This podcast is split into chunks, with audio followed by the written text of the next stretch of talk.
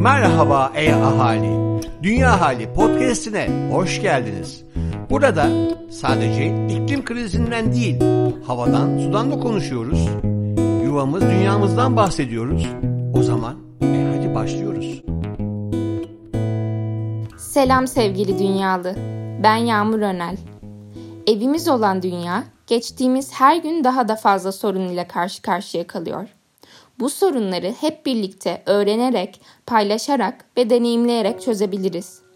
Biz çözemeyeceksek kim çözecek? Ve şimdi değilse de ne zaman çözülecek? O zaman haydi birlikte bu sorunları çözmek için büyüleyici doğaya bir keşif yapalım. Dünya Ahali başlıyor. İklim Masası Çağla Fadıllıoğlu Gıda Krizleri Küresel Raporu Gıda krizlerine karşı Küresel Ağ ve Gıda Güvenliği Bilgi Ağı tarafından 2022 Gıda Krizleri Küresel Raporu yayımlandı. Rapora göre küresel olarak açlık sorunu büyük durumda alarm veren seviyede. 2021'de çatışmalar, iklim değişikliği ve ekonomik krizlerin etkisiyle sürekli gıda güvensizliğine maruz kalan insan sayısı bir önceki yıla göre 40 milyon artarak 193 milyona ulaştı. Krizden etkilenen nüfusun en büyük olduğu ülkeler Kongo Cumhuriyeti, Afganistan, Etiyopya ve Yemen. Hindistan ve Pakistan'da sıcak hava dalgası. Son iki ayda Hindistan ve Pakistan'ı etkisi altına alan yıkıcı sıcak hava dalgası eşi benzeri görülmemiş seviyede. İklim değişikliği hızla devam ederken çok daha kötülerinin gerçekleşeceği öngörülüyor. Aşırı sıcaklıklar 1 milyardan fazla insanı 40 derecenin çok üzerinde kavurucu sıcaklıklara maruz bıraktı. Bunun daha endişe verici kısmı ise yılın en sıcak kısmının henüz gelmemiş olması. Sıcak hava dalgası sırasında elektrik talebinin rekor seviyelere ulaşmasıyla gerçekleşecek elektrik kesintileri sıcaklıkların daha da yükselmesi durumunda neler olabileceğine dair tehlikeli sinyaller verdi. Brezilya'da ormansızlaşma. Brezilya Amazonlarında geçen ay görülen ormansızlaşma Nisan ayı rekorunu bir önceki rekoru ikiye katlayarak kırdı. Dünyanın en büyük yağmur ormanlarının 1000 kilometre karesinden fazlası yok oldu. Bu son 4 ayda gerçekleşen 3. rekor oldu. Nisan ayı genel olarak yağmurlu geçmesi sebebiyle ormansızlaşmanın da daha yavaş olduğu bir ay. Ancak bu ayda gerçekleşen bu denli büyük yok olma, ormanların üzerinde yaratılan baskının ve potansiyel tehlikelerin büyüklüğünü gözler önüne seriyor.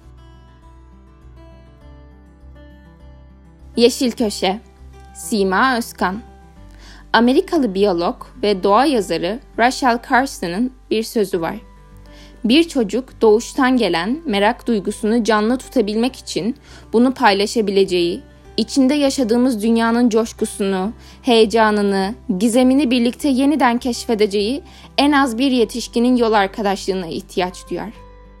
Ebeveynleriyle sağlıklı güven bağı kurabilen her çocuk doğada kendini güvende hisseder. Korkmaz. Hiçliğin ya da çokluğun ortasında kendiyle kalabilmeyi, kendi kendine de oynayabilmeyi sever her çocuğun doğayla arasındaki kendi hikayesini yazmasına izin vermek gerekiyor. Oyundaş olmak, örnek olmaktır. Bir çocuğa yaşam biçimi olarak doğayı sevmeyi öğretmenin başka bir yolu yok.